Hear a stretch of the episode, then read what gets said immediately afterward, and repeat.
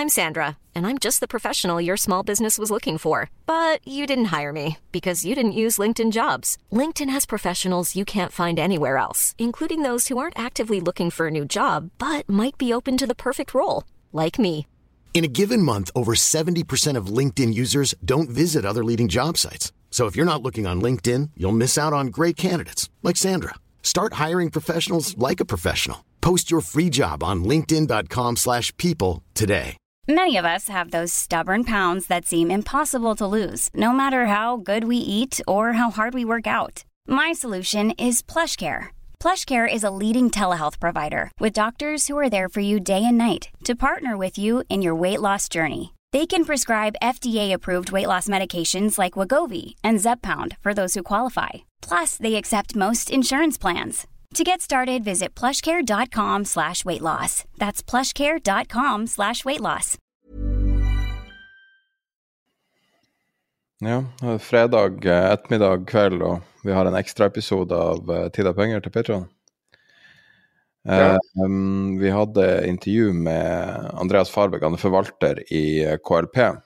Og jeg snakka med han litt på forhånd. og Det fine med, med han er jo at han har et si, innsideblikk på, på det som skjer i næringseiendom, og kan forklare litt eh, kan forklare litt dynamikkene og hva som er viktig i, i det markedet som, som egentlig er ganske lukka. Hva du syns om, eh, om samtalen? Jeg, jeg syns den var veldig pedagogisk bra. Um, og det kanskje henger sammen med at sli- slik jeg forsto det, så har han vært journalist før han ble analytiker, og så nå eh, på, på forvaltning, eh, som forvalter. Det er klart at Da går du på en måte gradene i Det ene er å uttrykke er klart, og det andre er analytisk eh, tilnærming, til, tilnærming, heter det. Um, slik at jeg, og han, han forklarte det i hvert fall etter min oppfatning veldig pedagogisk. Og det er også på en måte en eh, fornøyelse å lytte til domeneeksperter? I, i de forskjellige eh, domenene. På samme måten som da, da Tor Svelland snakket om, om råvaremarkedet og det fysiske markedet osv. Så, videre, så får du ikke? Det ene er å ha, ha kunnskap om disse markedene, forstå disse markedene og kanskje vært i disse markedene, men noe helt annet er de som lever hele tiden i disse markedene. De har alltid mer kunnskap enn det, enn det ikke- ikke-spesialistene har. Skal vi egentlig bare gå i gang med samtalen? Ja, jeg, jeg, jeg syns det, fordi eh, den, er, si, den er så pedagogisk at jeg tror ikke at det er noe som trengs, trengs å forklares på, på forhånd, eller introduseres på forhånd. For jeg syns egentlig hele, hele intervjuet var, var av en såpass pedagogisk karakter at jeg tror alle lytterne, alle lytterne forstår det, altså uten, uten tvil. Men da går vi i gang med Andreas Farberg i KLP. Starter med litt forklaring av hva KLP er for noe. Nei, det skjønner jeg godt. Vi, vi er jo litt komplisert å forstå hvis man virkelig skal gå inn i detaljene, men eh, KLP står jo for Kommunal landspensjonskasse. Um, og KLP ble opprettet på 40-tallet eh, ved at en del en stor gjeng norske kommuner eh, valgte å slå seg sammen for å lage eh, en felles eh, egentlig pensjonskasse, sparekasse, for å finansiere pensjonsforpliktelser da, som kommunene har overfor eh, sine ansatte. Og så har man da fått inn noen eh, helseforetak i tillegg. Um, så det vi er, er jo egentlig et i hovedsak et, et pensjonsfond for, for norske kommuner og, og, og helseforetak. eh, for, at, for å ja, investere og forvalte de pensjonsmidlene da, som, som de må sette til side for å finansiere pensjonsforpliktelser overfor sine ansatte igjen. Pensjon har jo vært gjennom så mye endringer. Jeg husker det var jo en stor reform eh, om det var i 2010 eller noe rundt der, og, og da var det jo veldig mye snakk om pensjon fordi man gikk eh, eller prøvde å, å gå bort fra den eh, eh, garantiavkastninga. Eh, hvordan er det nå? Hva, hva er reglene du forholder deg til som forvalter? Hva er det du må levere, liksom? Ja, altså Colpé er jo et uh, skal bare se om jeg prøver å huske det, hva er det norske, norske ordet? Altså, vi, vi, for du har, du har jo to uh, pensjonssystemer veldig sånn grovt sett. Du har jo dette hvor du um, får en garantert uh, bidrag fra arbeidsgiver til pensjonssparing. Uh, og så Det er jo da defined contribution, som det heter på engelsk. Innskuddspensjon. Eh, hvor, hvor da arbeidsgiver garanterer å sette et visst beløp til pensjonssparing. Og når du da går over med pensjon, så vil pensjonen din da utbetales fra det som da arbeidsgiver har skutt inn. Uh, og det er hele pensjonssparingen din. Så har, har, man jo i Norge Folketrygdfondet og sånt i, i, i tillegg, men, men, det er da innskuddspensjon.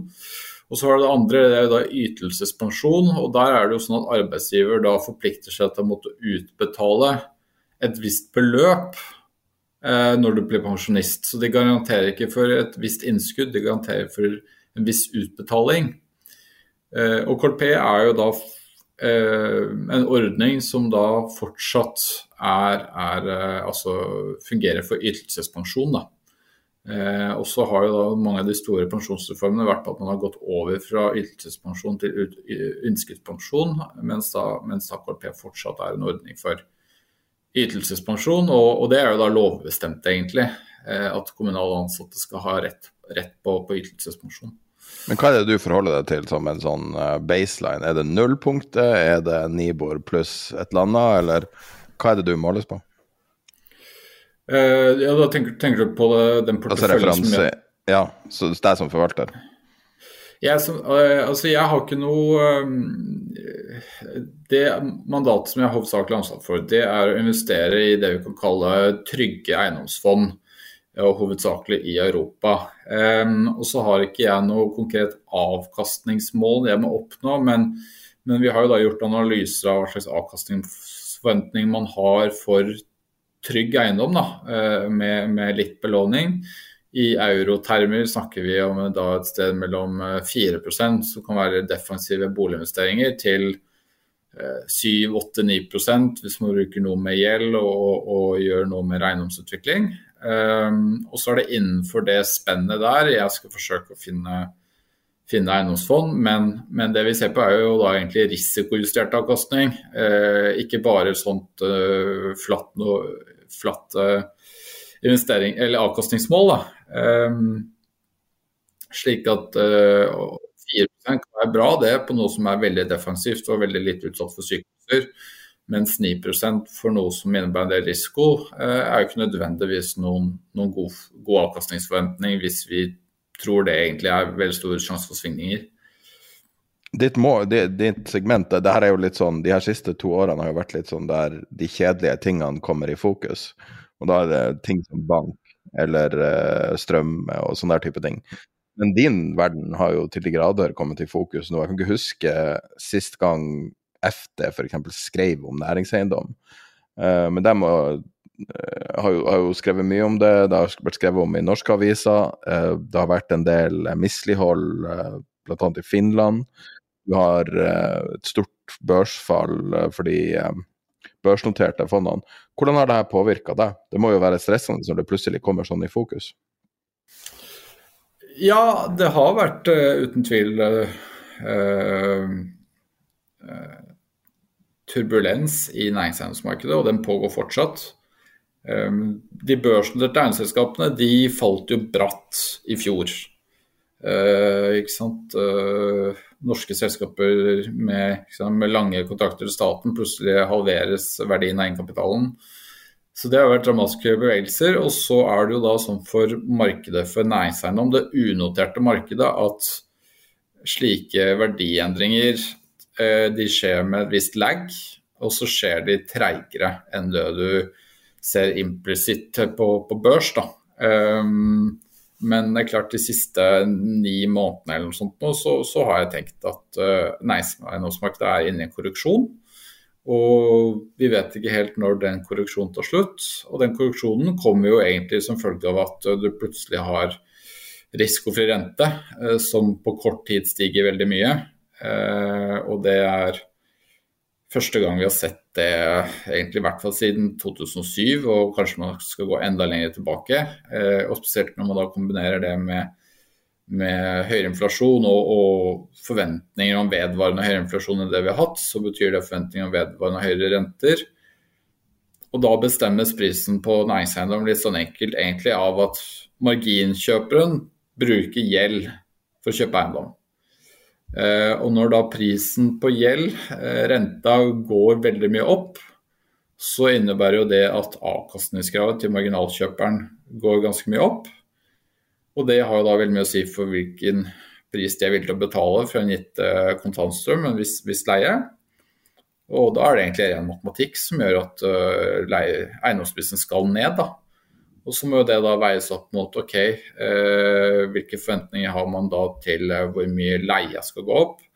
Det vil naturlig stige med en inflasjon, så høyere inflasjon innebærer jo høyere leiejusteringer. Eh, men på den andre siden så har du jo da risikoen for en resesjon. At, at uh, dyrere gjeld vil medføre redusert økonomisk aktivitet, uh, resesjon. Da kan jo det også gå utover leieprisene, og da kan jo eiendom havne i en litt sånn dobbeltskvis. Både sånn svak leieutvikling og eh, høyere finansieringskostnader. Eh, og da kan det jo få noen ganske dramatiske fall i eiendom. Så vi har ikke sett veldig dramatiske fall eh, for eiendom sånn generelt, vil jeg si, selv om eiendomsmarkedet er fort ned 10-15-20% altså brutto eiendomsverdier. Men krakk er det ikke. Eh, men, men eh, med dette bakteppet så har jeg vært forsiktig med å anbefale å, å, gå inn med veldig mye frisk kapital i eiendomsfond de siste ni månedene. Det, det, som er interessant med næringseiendom, er jo at dynamikkene er så annerledes enn andre typer aktive klasser. Og, og, det er sånn fra utsida, fra oss som, som, ikke har innsikt i transaksjoner, så er det helt det er helt uh, clear as mud, liksom. Altså vi, vi, ser, vi, ser, på en måte ingenting. Uh, og, og, du har jo veldig mange rike, f.eks. rike familier eller andre kapitalsterke institusjoner som ofte kan plukke opp veldig mye. Hvordan, hvordan vil et, en krise se ut i det markedet? Vil det være helt usynlig, eller vil det på en måte spille over i, i andre deler, også i boligpriser? Uh, den måten dette her kan uh, påvirke andre markeder, er gjennom at banker tar store tap på utlån. For Hvis banker begynner å ta store tap på utlån, så kan du få redusert tillit eh, i finanssystemet til banker. Og da kan du få eh, sant, den type situasjoner som du hadde under finanskrisen i 2008. Eh, så er det noen viktige forskjeller mellom eh, situasjonen nå og da. og En er rett og slett at belåningsgraden på eiendom nå er mye lavere enn den var under finanskrisen. Den gangen så var det jo ikke uvanlig at eiendom var belånt med 80 gjeld. Nå er det egentlig veldig uvanlig, og man er da med ned mot 60% sånn at da kan jo sant, 40 av eh, verdien på en eiendom forsvinne uten at, eh, at banken taper penger, da, si sånn, selv om da åpenbart egenkapitalinvestorene vil, vil jo lide. Um, så det, så det er liksom den, den systemkritiske eh, effekten du kan få ved fall på verdier i eiendom. Ellers så vil jo selvfølgelig et, et fall i, i, verdi på næringseiendom gå utover um, formuen til, til, både institusjoner og, og rike.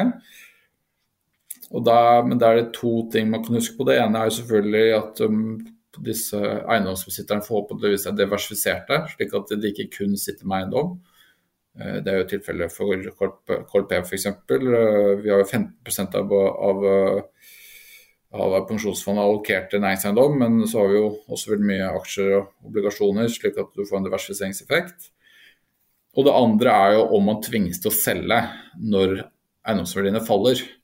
Eh, Fordi så lenge du verken må refinansiere eh, midt oppi en sånn situasjon, altså at du, du har lån som har utløp lenger frem i tid, eller at du har andre likviditetsutfordringer som gjør at du, du tvinges til å selge eiendommene når, når verdiene faller, eh, så er du jo i praksis litt isolert fra den formueseffekten, i form av at så lenge leietaker betaler leia, så er det egentlig det som er eh, cash-påvirkningen din der og da.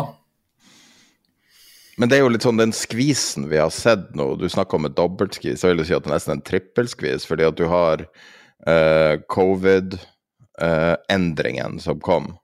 Jeg tenker på alle grafer vi ser, nesten uansett hvordan parameter det dreier seg om, så har vi da den 2020-spiken uh, og altså begge veier eh, som har ødelagt alle grafer. Men, men det har jo endra demografien kanskje permanent. Uh, I USA ser man det tydeligere, men også i Norge har jo ting endra seg der flere får hjemmekontor osv. Og, så og jeg lurer på om det er noe som liksom ligger under overflata. For samtidig som det her skjer, hører vi om høyere leie. Um, jeg skjønner ikke helt den dynamikken. Jeg forstår liksom ikke helheten. Det er akkurat som det minner meg litt om altså tenker på det, det som skjedde i Spania, der bankene på en måte holdt markedet kunstig høyt under finanskrisa i lang tid. Bank, um, Santander, tror jeg det var, som, som ble anklaga for det. Eh, er det noen sånne usynlige dynamikker som vi ikke ser? Jeg forstår ikke hvordan Lea kan stige når vi vet at f.eks. veldig mange flere ønsker hjemmekontor og, og har hjemmekontor. Mm. I kontormarkedet så skjer det mye dramatisk nå. Eh, både på leietakssiden, eh, på ledighet, at det er mye ledighet. Eh, og så, ja Det jeg snakker nå, er i utgangspunktet i USA.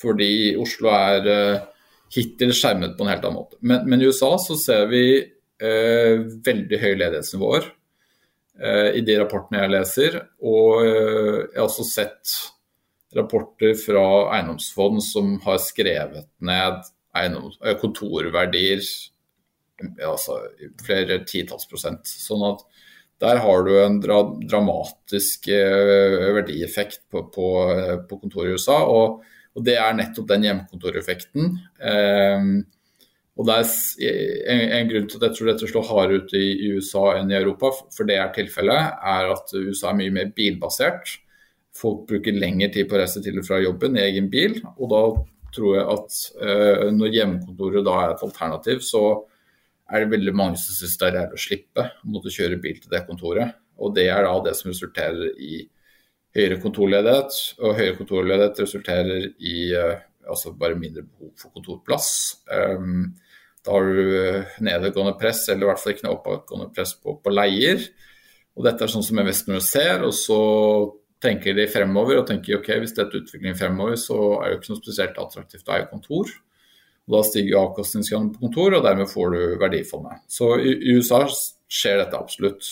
Og så har du jo eh, e-handel i tillegg, altså eh, ja, ikke sant? Det, kjøpesenter. Det er, kjøpesenter, ikke sant.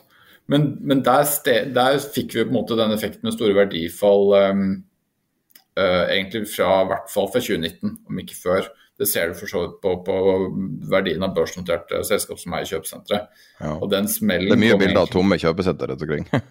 ikke sant. Og, sånn, og, det har vært lenge. sånn at uh, den der uh, Og i USA har, uh, finnes det enormt mange kjøpesentre også. altså Hvis du ser på antall kvadratmeter kjøpesenter per innbygger, så er jo USA langt fra alle andre land i verden, tror jeg. Så, så, det var på en måte litt sånn eh, katastrofe som bare ventet på å skje da, når, når e-handelen kom. Um, og så ser man for så vidt i Europa også ikke sant, at skal du eh, eie kjøpesentre, så punkt én, de må ha den beliggenheten som gjør at du veldig naturlig får fottrafikk, altså at folk bruker dem. Ta eksempel med, med vårt kjøpesenter Byporten i Oslo. ikke sant? Det ligger jo på Oslo S. Da, da får du garantert folk igjennom. Eh, og så er det, det andre er at du må være veldig god på å drive kjøpesentrene. Altså det er blitt mer komplekst, det er blitt mer krevende å drive kjøpesenter i dag enn det var før. Du kan ikke bare liksom, finne leietakere, hente leie hvert kvartal og så ellers liksom stige ting av seg selv. Du, du, må aktivt følge med. Du må aktivt liksom, følge opp leietakere og bytte ut de som ikke funker osv. Um, ehm, og egentlig det er litt den hvis man skal si det litt enkelt, så er egentlig litt den kjøpesentereffekten vi nå ser på kontormarkedet, i hvert fall noen kontormarkeder, at, at uh, du har noen strukturelle drivere som gjør at plutselig var det ikke så enkelt med, med denne typen eiendom likevel. Du må være mye mer aktiv, du må være mye mer serviceorientert, og beliggenhet er, er superviktig.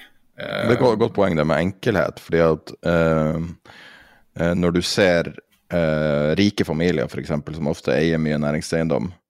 Så en av grunnene er jo nettopp den enkelheten. Det er en bransje som er forbundet med Det er relativt hands off som er investering, sammenlignet med, med, mange andre typer investeringer. og Hvis du driver din egen bedrift, f.eks., og det er veldig uh, krevende. Um, men, men, nå virker det jo som at vi er med et eller annet, et eller annet sånn skifte der den enkelhet, altså det blir en langt mer kompleks ting. Enkelheten er ikke like obvious, du må gjøre ganske mye analyser. Kanskje vi er i demografisk skifte. Ser du noen endringer på at folk uh, finne andre steder å salte ned pengene? Eller eh, hva, hva, hva, er det du ser av, sånn, av på, på eiersida? Jeg syns det er litt vanskelig å si noe om hvorvidt penger flyttes fra eiendom til andre ting som er eh, enklere å eie. Det, det, vet jeg ikke. Jeg, jeg, vil heller tenke at det er slik at øh, folk innser at de må samarbeide med, med tjenesteleverandører. Slik at uh, i stedet for å måtte ha dine egne ansatte i et familieselskap kanskje, som, som drifter eiendommene på en, på en, litt sånn enkel måte, så, så, må du i større grad uh, betale for å bruke profesjonelle eiendomsforvaltere til å passe på byggene for deg. Um, så sitter man fortsatt da liksom igjen med kapitalen i eiendommen, men, men du er mer og mer distansert fra faktisk forvaltning og drift av, av den eiendommen. Men gilden har jo gått fryktelig ned. Typisk en, en deal vi, vi, har hørt om tidligere, var kanskje la oss si 8-9% uh, for 10-12 år tilbake. Um, som betyr at uh, hvis du ikke vet om næringseiendom, så betyr det at det er litt over ti år på å nedbetale den gjelda med, mm. avkast, mm. altså med inntektene fra eiendommen. Hvordan er det nå? Uh, stemmer det at det er sånn 5 en typisk deal som har vært? Hvis du ser på de beste og mest attraktive kontorbyggene i Oslo, så var de på sitt, på, på sitt dyreste. Eh, og det var jo da egentlig under korona, når eh, det var pengetrykking, rentene var hyperlave og, og man søkte såkalte trygge investeringer, så, så var eh, gilden på, på kontorbygg nede i Oslo ned på 3,25. Slik at sant, Hvis wow. du da kjøper et bygg til, eh, til, 100, så forventer du å få ut en netto leieinntekt på, på 325. Uh, eh, og så får du en uh, forventet verdistigning over det på 2% for det er jo resultat, eller rundt 2 da, enkelt, fordi leieinntektene dine justeres med inflasjon. Slik at du da har en forventet totalavkastning nominelt sett på, på 5,25.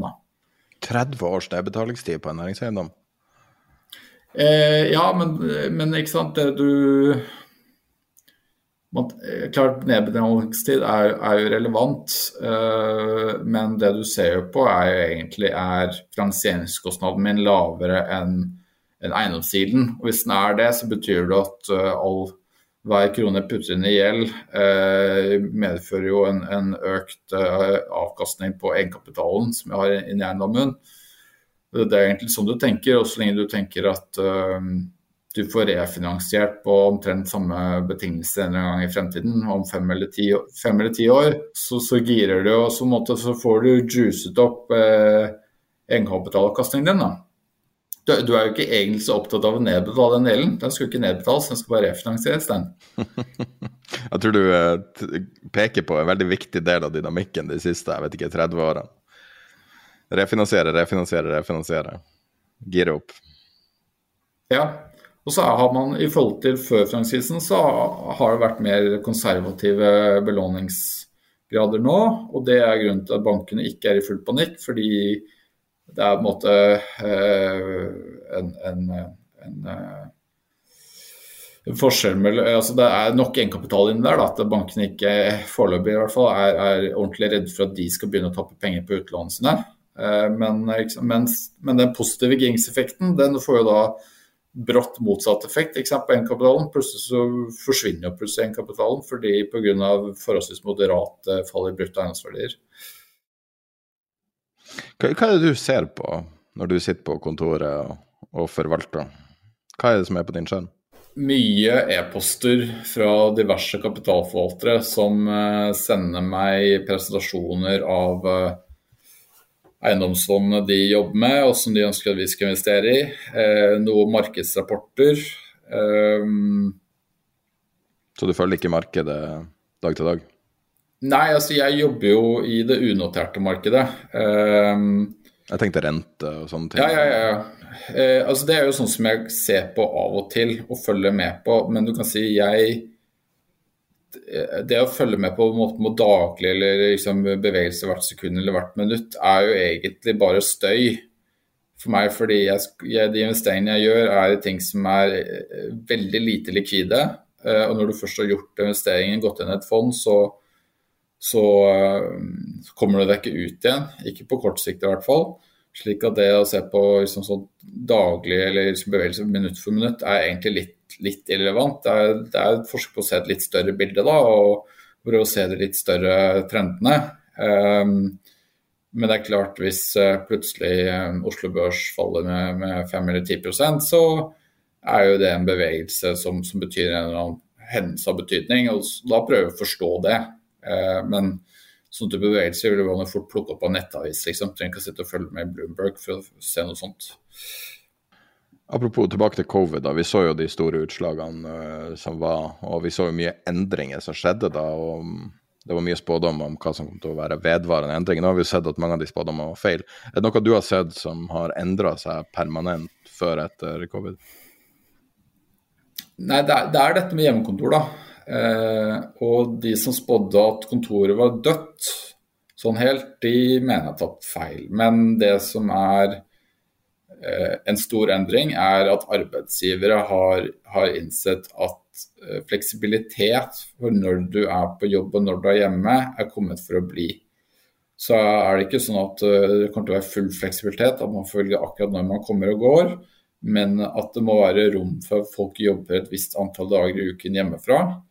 Eh, og det er eh, på en måte et velferdsgode, en kilde til trivsel for ansatte, og at det samtidig kan være en kilde til for effektivitet og produktivitet for arbeidsgiver. Det har endret seg fundamentalt siden før covid. Hva med ti år tilbake, når du begynte som analytiker i 2013? Mm. Uh, og da så du jo uh, kanskje på en måte som analytiker kanskje enda tettere på de små tingene. Er det noe som har endra seg siden da? Hvem som investerer, hvordan dynamikkene fungerer, eh, forventa avkastning, eh, også prognoser framover. Er det noe som har endra seg sånn fundamentalt siden da? Ja, den største endringen, det er eh, Det ene er teknologi. Eiendomsbransjen er jo ikke kjent for å være fremme i skoene når det gjelder å ta i bruk ny teknologi. og det er på en måte fortsatt tilfellet, men, men, der har det skjedd mye. Altså Bruk av sensorer f.eks. For, for å måle alt mulig i bygg, istedenfor at eh, man driver bare og synser. Eh, der skjer det store endringer, eh, spesielt med alt med nye bygg. Hvordan type sensorer er det snakk om da? Eh, sensor som måler luftkvalitet f.eks., altså som måler CO2-nivå, som måler luftfuktighet, som måler temperatur, som måler eh, PPM, altså, altså forurensning om du vil, um, som måler um, luftkvalitet med tanke på, på liksom, kjemikalier i rommet fra maling og møbler osv. Uh, det var det ikke så mye av for ti år siden, og det begynner å bli veldig mye mer vanlig. og Sånne sensorer er det også enklere å, å etterinstallere. Uh, jeg følte at Før måtte alt være koblet på sentralt, sånn sentralt driftsanlegg uh, og med, med, ledninger og sånt, mens nå er jo alt mye mer trådløst. Um, så det er en sånn stor uh, teknologisk endring i bransjen. Uh, innsamling av data, bruk av, uh, bruk av skyen for, for, å samle inn data, aggregere det, analysere det på tvers av store eiendomsporteføljer. Det er en, en, game changer. Det er det bare de aller største eiendomsbesitterne i verden som bruker også på en sånn best in class måte, men, men når de forteller om det, så så er det kjempeimponerende eh, hvordan de greier å, å få ut uh, real-time informasjon fra en bransje som er, er kjent for uh, lite og dårlig data. Um, og så er det annet element, det er jo selvfølgelig bærekraft. Uh, og, og, det slår sterkere og sterkere inn. Det slår inn i form av forventninger eh, til fremtidig lovgivning som vil straffe brune bygg og belønne grønne bygg, for å si det enkelt og konkrete lovgivning som er på plass i dag. Altså I noen europeiske byer så er det ikke lov til å leie ut eh, kontorbygg hvis de har en, en energiklassifisering under et visst nivå, f.eks. Du, Når du er inne på det her, kan vi eh, Det her er jo egentlig ikke ditt felt, men de her nye EU-reglene som har snakka mye om at bygg må etterisoleres osv. Har du noe innsikt på det? Det må jo påvirke dine, dine assets? Ja, altså øh, vi øh, er veldig opptatt av at når vi velger å investere i eiendomsfond, at de forvalterne um, er, har en offensiv holdning til, til, bærekraft. Altså at de, de, forsøker å begynne å tenke på hvilke endringer de må gjøre før lovene kommer på plass, og at de har samme innstilling som vi har, som er at bærekraft i seg selv er viktig, og også at det er, er god risikohåndtering og, og ta tak i bærekraftsproblematikk eh, før man blir tvunget til det. Um, så, så, eh, at liksom, krav til energiklassifisering, krav til, til um, karbonutslipp per kvadratmeter, eh, krav til installering av, av, solceller, krav til mindre bruk av fossil energi i oppvarming av bygg. Alt dette er ting vi er veldig opptatt av at uh, forvalterne har et aktivt forhold til.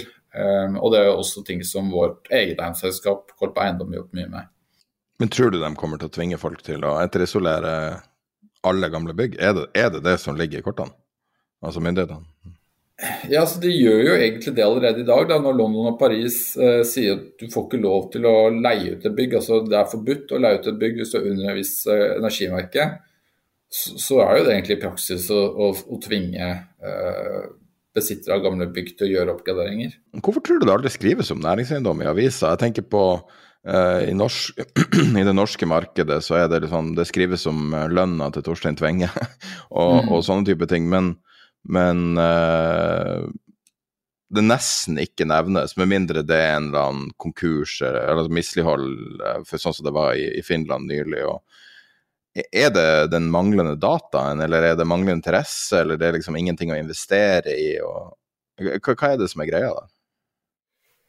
Det skrives jo noe om eh, næringseiendom, og det finnes jo noen eh, bransjenettsteder også i Norge for uh, næringseiendom. Så det er jo en, en, en, bransje som dekkes, det er det.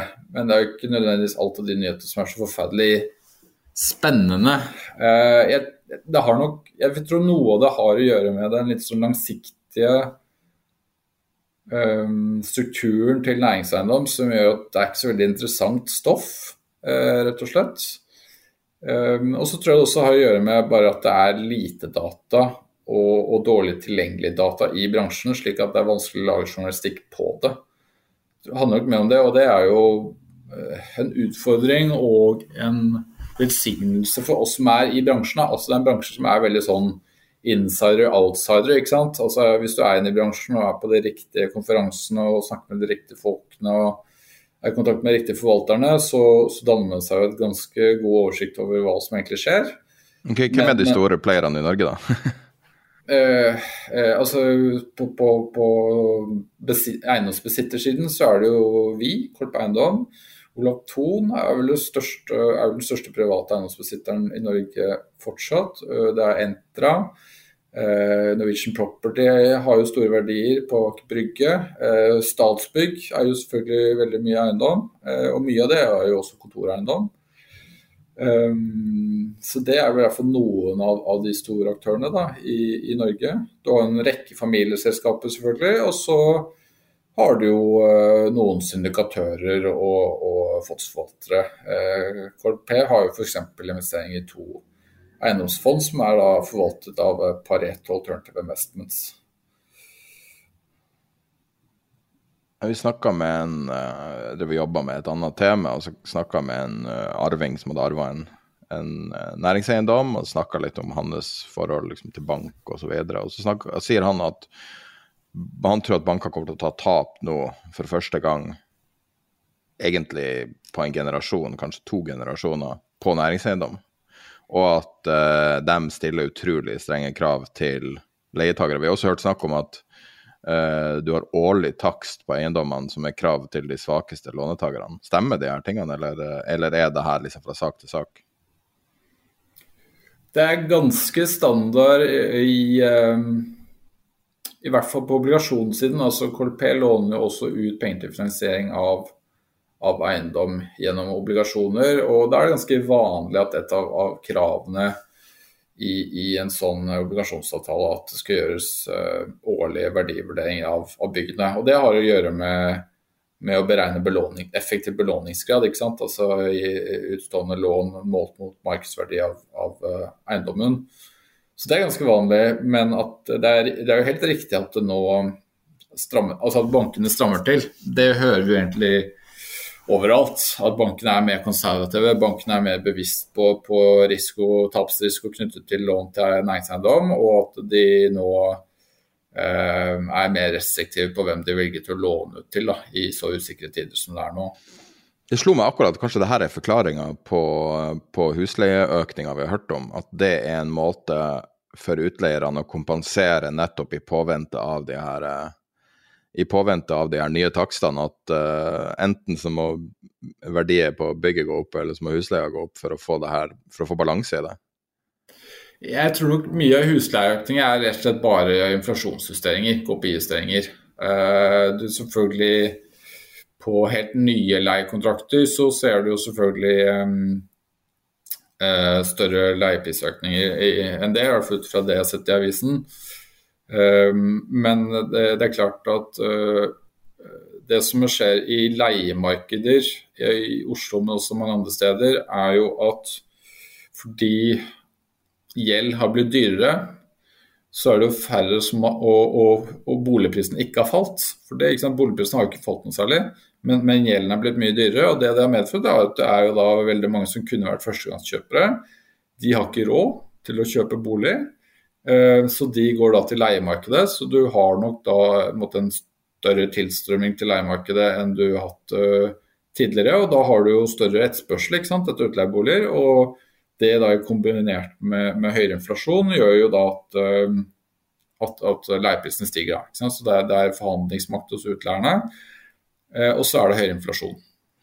Ja, for nå tenkte jeg på, på type kontorleie, som, som jeg har hørt snakk om at uh, stiger stort sett, spesielt i Oslo. da. Men når du nevner privat eiendom, fordi at de her to markedene er jo uh, normalt sett ikke så tett kobla. Næringseiendom og, og, bolig er jo uh, to egentlig helt vidt forskjellige markeder med ganske forskjellige dynamikker. Men pga. at du har de her store, f.eks. det store tyske um, selskapet som er i hundrevis av tusen av leiligheter, og du har jo en, en nordmann i lignende situasjon. Eh, vi, ser vi noe på en måte eh, krysspollinering mellom de her to markedene nå, der de her store aktørene som eier så utrolig mye og er såpass svekka at det kan påvirke boligmarkedet også? Kan det her starte en sånn eh, eh Altså Er det gjort noen analyser på om det her kan starte en sånn eh, eh dominoeffekt, nesten? Jeg, har ikke sett noen konkret analyse på det, men uh, igjen, uh, begynner bankene å ta tap på utlån, enten til bolig eller til næringseiendom, så vil nok det ha påvirkning på det andre markedet. Uh, rett og slett gjennom tilliten i, i finanssystemet. så har du helt rett i at boligmarkedet og markedet for næringseiendom ikke nødvendigvis svinger helt i takt. og Det er en del grunner til det. Generelt så utviser jo bolig eh, mindre volatilitet eh, i prising i verdier enn det næringseiendom gjør. Um, men begge, det som er fellesnevnt for begge to, er jo, er jo, prisen på gjeld. Og Går prisen på gjeld opp, så skal avkastningskravet både på, på bolig som aktivaklasse og næringseiendom gå opp, og da skal verdiene falle. Alt annet likt. Og så har du jo del andre effekter som, som uh, gjør at det kanskje ikke det alltid slår helt matematisk ut. I hvert fall ikke på kort sikt. Uh, det kan jo være f.eks. når man da gjør det enklere å låne mer penger, sånn som man har sett i, i Norge. Uh, eller enklere å i hvert fall låne mer penger til sekundærbolig, så vil jo det på en ha en motsatt effekt. Da, for da få større etterspørsel til boligeiendom. Hva var det som gikk så galt i Sverige? Hvorfor ble det så sinnssykt den ene og den andre veien?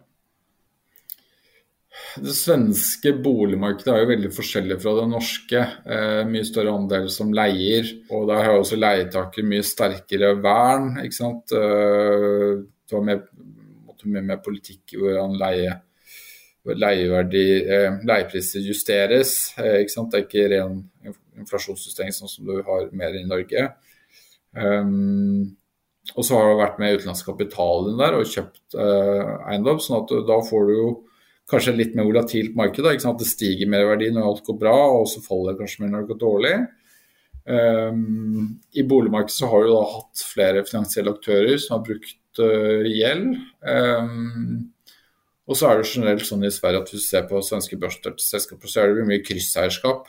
Uh, du finner egentlig de samme familiene på tvers av ganske mange selskaper. og da den typen liksom, uh, sammenkobling kan jo da kanskje pekes på som en svakhet, da, uh, hvis det begynner å bli uroligheter. Sverige er jo på en måte et mer velutvikla finansmarked enn Norge.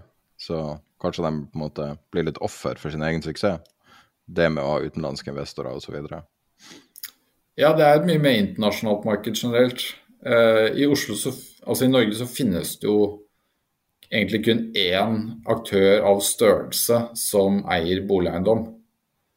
Eh, så vi har jo ikke egentlig noen velutviklet institusjonelt marked for investeringer i, i boligeiendom. I, Tenker du på Tollefsen, da? Ja, ja.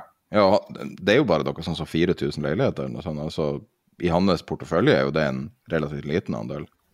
Ja, i forhold til det han har i f.eks. Tyskland, så, så er, eller det Heimstaden hadde jo ikke alt som Tollefsen har, eh, så, så, er jo ikke det stort. Men det var der begynte, og han, han var på en måte den første og eneste, egentlig, som har, har bygget seg opp så stort i, i uh, Norge. og det har vært mange utlendinger som har sett på, på Norge, fordi Norge har jo ekstra stabilt og rikt land. Um, en del gode makroforhold osv. Og, så og tenkt at Norge konseptuelt sett uh, burde være et bra sted å investere i boligeiendom. Men så er det da en del uh, forhold i Norge som gjør at det har blitt vanskelig. Det er vanskelig å greie å få tak i eh, nok boligeiendom til å bygge portefølje og størrelse. Det henger mye sammen med at nordmenn i stor grad eier sin egen bolig. ikke sant? Um, så det er en del sånne underliggende driver som gjør at, at, Norge ikke er et institusjonelt marked for boliginvestorer. Jeg lurer på om uh, eh, forklaringa på hvorfor nordmenn eier så mye bolig og svenske leier, om det liksom ligger 100-200-300 år tilbake i tid, et eller annet, en eller annen veldig logisk grunn. Men det er spesielt. Det er to veldig forskjellige markeder det, det, har mye med insentiver som myndighetene har satt på plass. Altså Primærbolig i Norge har jo vært og er fortsatt en, en veldig gunstig måte eh, å plassere altså sparemidlene sine. Det å eie egen bolig er, er, veldig mye mer lønnsomt enn, enn å leie bolig og så investere sparemidlene sine i, eh, i aksjer eller, eller, andre ting. Eh, så mye er nok påvirket av det. Og så er jo det andre at eh, nordmenn generelt har en ganske god økonomi, som gjør at de er i stand til, til å, å, låne nok penger til å kjøpe egen bolig også. Hva du tror om eh, avslutningsvis, hva du tror om eh, framtida både til, til næringseiendom og, og bolig? Og markedet generelt, hvis du har noen meninger? Jeg blir ikke overrasket hvis vi ser videre verdifall. Um, for alt. Det er på, på både bolig og næringseiendom. Vi har ikke egentlig sett noe særlig på bolig, vi har sett det på næringseiendom. Um, og det kan du egentlig utlede litt fra, fra børskurser på børsnoterte eiendomsselskaper, selv om man skal være forsiktig med å dra en sånn én-til-én-link. Um, og så Jeg var på en eiendomskonferanse nå i Barcelona uh, for et par dager siden. og liksom Det store spørsmålet der er jo kommer det en resesjon. Eh, hvis du ser på rentekurven, så, så signaliserer jo den egentlig at, at vi skal få en resesjon som skal gjøre at sentralbankene setter ned renta. Eh, den har ikke kommet ennå. Eh, og utviklingen i næringseiendomsmarkedet tror jeg er eh, veldig avhengig av om det blir en resesjon eller ikke. Da. Hvis det ikke kommer en resesjon og man får en litt såkalt myk landing, så kan det hende at vi snart når bunnen i, i uh, eiendomsverdier og kanskje kan begynne å, stabilisere og måtte eh, gå opp igjen. Mens eh, kommer det resesjon, så tror jeg nok det også vil slå på eiendomsverdier. Tusen takk for du lærte oss opp på næringseiendom. Jeg følte at du filled in the blanks på veldig mye her. Så det er mystisk marked. Og tusen takk. Jo, godt å høre. Takk skal du ha.